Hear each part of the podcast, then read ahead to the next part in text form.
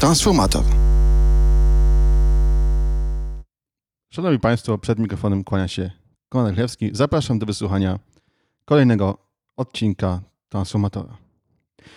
Głównym tematem dzisiejszego odcinka będzie plan budowy dróg krajowych. Jest to plan inwestycyjny obejmujący inwestycje o łącznej wartości 292 miliardów złotych. Ale tradycyjnie zaczynamy od serwisu informacyjnego. Na Danym Śląsku pojawiła się pierwsza hybryda. Pierwszy trójczłonowy pociąg, który może się poruszać zarówno na linii zelektryfikowanej, jak i niezelektryfikowanej. Dysponuje on dwusystemowym napędem. Może korzystać albo z sieci napowietrznej, albo z y, generatora dieslowskiego. Pojazdy te zostały wyprodukowane przez Nowosądowski Newak.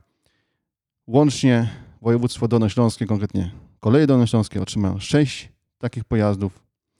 Pierwszy z nich zacznie wozić pasażerów najprawdopodobniej na przełomie września i października. Początkowo będzie obsługiwał trasę Wrocław-Trzebnica, później Wrocław-Sobótka-Świdnica. Uprawomocnił się pierwszy wyrok w głośnej sprawie, czy w głośnej inicjatywie Pozywam Smog. Na początku roku 2019 Sąd Rejonowy w Warszawie uznał, że faktycznie zanieczyszczenie powietrza jest realnym zagrożeniem, że wynika ono z bezprawnych zapóźnień, zaniechań ze strony rządu i że narusza ona, naruszają one dobra osobiste. Na przykład prawo do życia w zdrowiu.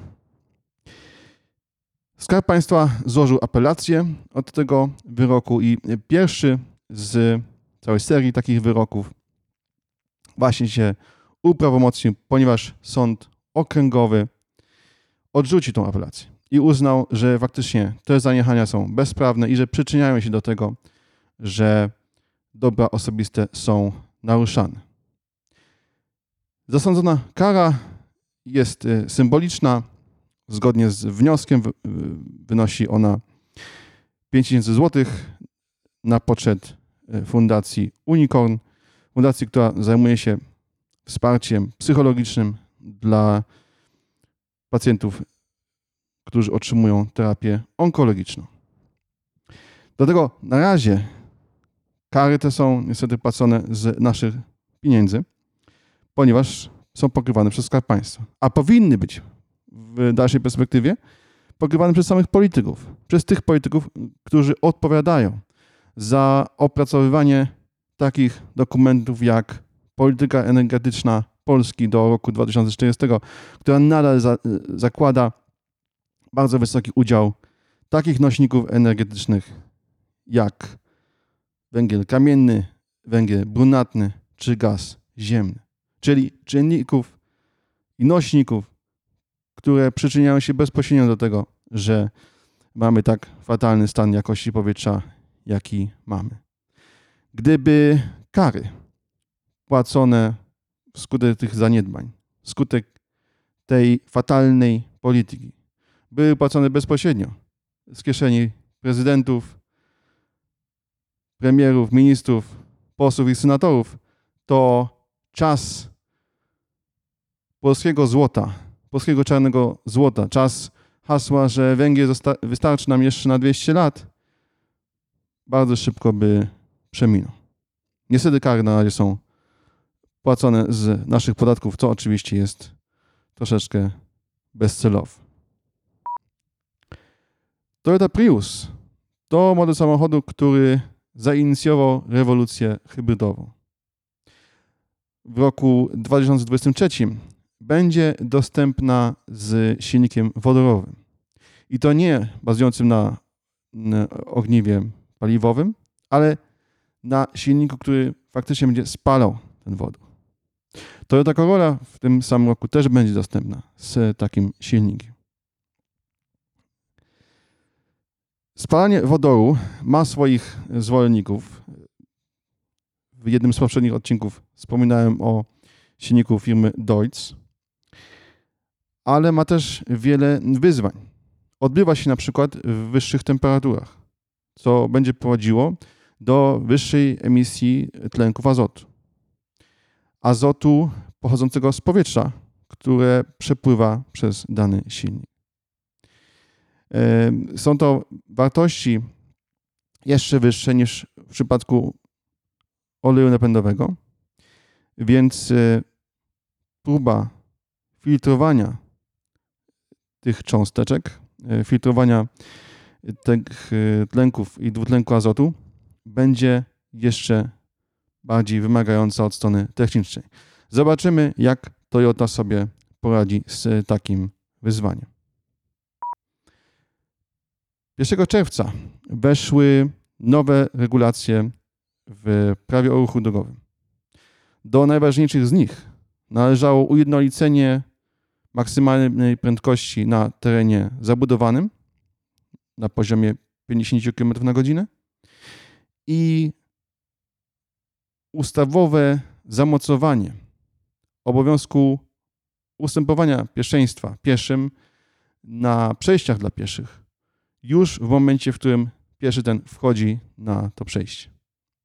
Ten wymóg znajdował się już wcześniej w rozporządzeniu o znakach i sygnałach drogowych, ale był praktycznie niestosowany w życiu codziennym. I ustawowe umocowanie tego wymogu miało pomóc w jego egzekwowaniu i ma, miało zwiększyć, zwiększyć przepraszam, świadomość kierowców, że taki przepis w ogóle istnieje.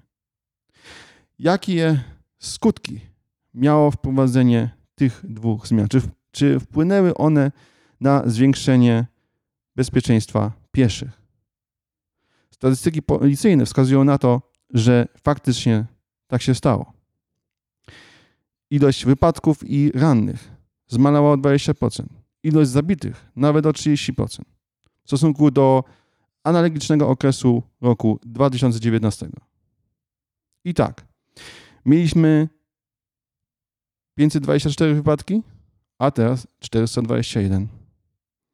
Mieliśmy 508 rannych, a teraz 416. I co najważniejsze, ilość zabitych spadła z 41 do 28. 13 osób przeżyło w ciągu tych trzech miesięcy, czerwca, lipca i sierpnia, dlatego, że te przepisy zostały wprowadzone. Ta zmniejszona liczba wypadków odnosiła się do terenów zabudowanych. Poza terenami zabudowanymi liczba wypadków z udziałem pieszych na przejściach dla pieszych nie zmalała. Dlatego ważne było nie tylko ustawowe umocowanie pierwszeństwa pieszego, ale też zmniejszenie dopuszczalnej maksymalnej prędkości. Tyle serwis informacyjny. Przejdźmy więc do głównego tematu dzisiejszego odcinka, czyli do planu budowy dróg krajowych do roku 2030. Składa się on z dwóch podstawowych działów. Pierwszy to inwestycje kontynuowane. Tutaj łączna ich wartość wynosi 105 miliardów złotych a drugi dział to inwestycje całkowicie nowe, które jeszcze w ogóle nie zostały rozpoczęte, w których nawet nie dokonano jeszcze prac planistycznych. I tutaj e, ta kwota tych inwestycji to jest 187 miliardów złotych, łącznie 292 miliardy. Tak naprawdę plan ten mógłby się nazywać planem budowy autostrad i dróg szybkiego ruchu, ponieważ ponad 220 miliardów ma pójść właśnie na autostrady i drogi szybkiego ruchu, a jedynie około 70 miliardów na drogi krajowe. Czy to zwiększy bezpieczeństwo? Nie, proszę Państwa, nie zwiększy, ponieważ autostrady, mimo że może się wydawać, że prowadzą do zmniejszenia liczby wypadków, to statystycznie rzecz biorąc, zwiększają one liczbę rannych i zabitych, ponieważ o ile samych wypadków jest mniej, to jeżeli już dochodzi do wypadków na autostradach, są one dużo tragiczniejsze w skutkach. Czy doprowadzi to do zwiększenia korków?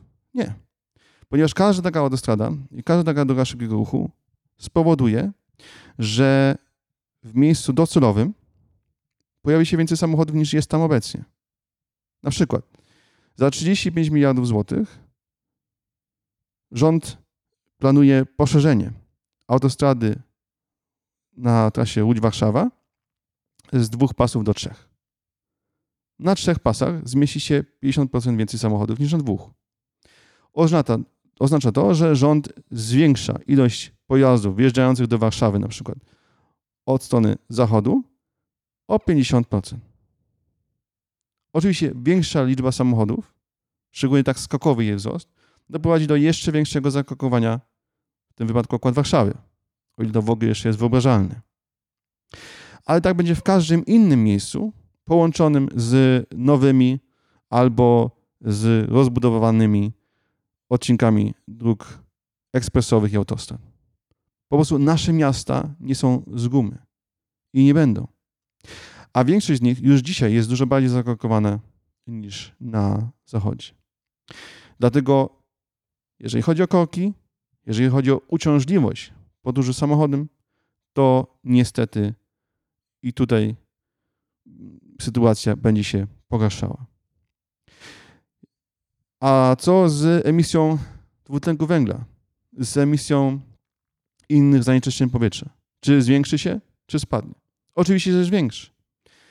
Przecież jeżeli budujemy nowe drogi, to zgodnie z zasadą Louisa Moglicza tymi drogami będzie jeździło więcej samochodów. A więcej samochodów to wyższa emisja, więcej spalin, więcej hałasu. Czwarty aspekt. Zdecydowana większość osób mieszkających w pobliżu tych nowych autostrad i dróg szybkiego ruchu nie odczuje żadnych, nawet hipotetycznych korzyści z mieszkania w tym miejscu. Natomiast zdecydowanie pogorszy im się jakość życia, bo za oknem wyrosną im ekrany akustyczne, będą, miały, będą mieli hałas, szum, spaliny, smog e, i zupełnie inną jakość życia niż mają obecnie. Do tego te autostrady i drogi szybkiego ruchu oczywiście stanowią bariery nie do pokonania, zarówno dla ludzi, jak i dla zwierząt. Taki plan budowy dróg krajowych jest ukoronowaniem fatalnej polityki inwestycyjnej nie tylko tego rządu, ale też poprzednich rządów. Od roku 1989 zlikwidowaliśmy co najmniej 5-6 tysięcy kilometrów linii kolejowych. Wybudowaliśmy 40 kilometrów linii kolejowych. To nawet dwa odcinki do lotniska Okęcie i pomorską kolej metropolitalną, czyli taką linię SKM-ki e, w kilku dzielnicach Gdyni i, e, i Gdańska. Poza tym nowe odcinki kolejowe praktycznie nie powstawały, a łączna sieć użytkowana zmniejszyła się z ponad 24 tysięcy kilometrów do około 18-19 tysięcy kilometrów. Równocześnie wybudowaliśmy ponad 5 tysięcy kilometrów dróg ekspresowych i autostrad i niezliczoną ilość tysięcy kilometrów dróg niższych kategorii. Jeżeli chodzi o najbliższą dekadę, to na nowe drogi, jeżeli, nawet jeżeli wziąć tylko tą część PBDK, która dotyczy całkowicie nowych inwestycji, to jest prawie 200 miliardów złotych. A na nowe linie kolejowe rząd chce wydać mniej niż 4 miliardy. Czyli na nowe drogi pójdzie ponad 50 razy więcej pieniędzy niż na linie kolejowe. A przecież jeżeli w pełni wykorzystać potencjał techniczny kolei jako środka transportu, to jest to środek transportu najszybszy, najbezpieczniejszy, najbardziej komfortowy i zdecydowanie najbardziej ekologiczny. Jeżeli chodzi o emisję na przykład dwutlenku węgla, to jest ona dziewięciokrotnie niższa, nawet przy polskim miksie energetycznym. Jeżeli chodzi o termochłodność, to w przewozach towarowych jest ona ponad 15-krotnie niższa. Czyli przewiezienie tej samej ilości towarów wymaga ponad 15 razy więcej przestrzeni, niż gdybyśmy te towary przewieźli koleją. Kolej jest środkiem transportu przyszłości. Kolej jest środkiem transportu, ale też dziedziną przemysłu, w której dysponujemy pełną gamą dostawców, wszystkimi surowcami i świetną bazą technologiczną. Jesteśmy w stanie dostarczyć wszystkie surowce potrzebne do budowy nowych linii kolejowych. Mamy europejskich liderów wśród producentów taboru kolejowego. Na przykład spółka Pojazdy Szynowe Pesa Bydgoszcz albo Nowosądecki Newak. Wiele mniejszych podmiotów. Co więcej, wiele podmiotów z piękną tradycją. Jak na przykład poznańska fabryka pojazdów y, szynowych Hipoje Cegielski. Jak y, na przykład pierwsza fabryka lokomotyw, pierwsza polska fabryka y, lokomotyw Fablok w Chrzanowie. Wiele innych podmiotów. Setki, tysiące podwykonawców. Wszystko w polskich rękach. Dlatego zarówno z punktu widzenia skutków środowiskowych, społecznych, ekonomicznych, gospodarczych, przemysłowych, naukowych, rozwój kolei dużo szybszy, dużo bardziej intensywny, intensywny niż, niż było to w latach poprzednich. Leży w interesie wszystkich obywateli tego kraju. Niezależnie od tego, czy teraz możemy z tej kolei korzystać, czy mieszkamy w jednym z kilkudziesięciu miast powyżej 10 tysięcy mieszkańców, które jest wykluczone z kolei, e, czy chcemy z, nią, z niej korzystać, czy wolimy na przykład samochód. Przecież jeżeli inni się przesiądą na kolej, to my, jeżeli musimy albo chcemy dalej korzystać z naszego samochodu, też na tym zyskamy. Po prostu będzie mniej samochodów na drogach.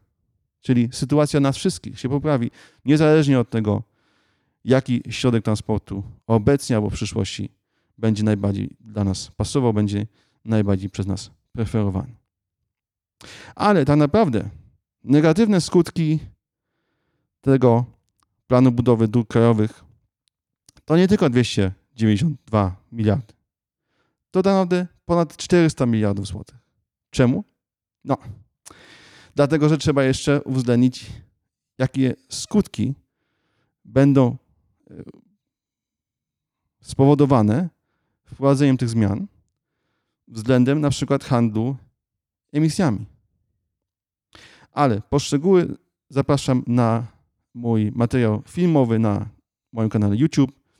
Tam mówię o tym więcej i wyjaśniam skąd się, skąd się biorą te dodatkowe, skąd się bierze te dodatkowe 100 miliardów, e, które będzie nas kosztowało wybudowanie właśnie tych dróg i spowodowanie, że transport drogowy będzie nadal gałęzią dominującą względem transportu kolejowego. Jak zwykle z przyjemnością poznam Państwa zdanie na prezentowane tutaj tematy. Na dzisiaj dziękuję za uwagę i zachęcam do słuchania kolejnych odcinków Transformatora.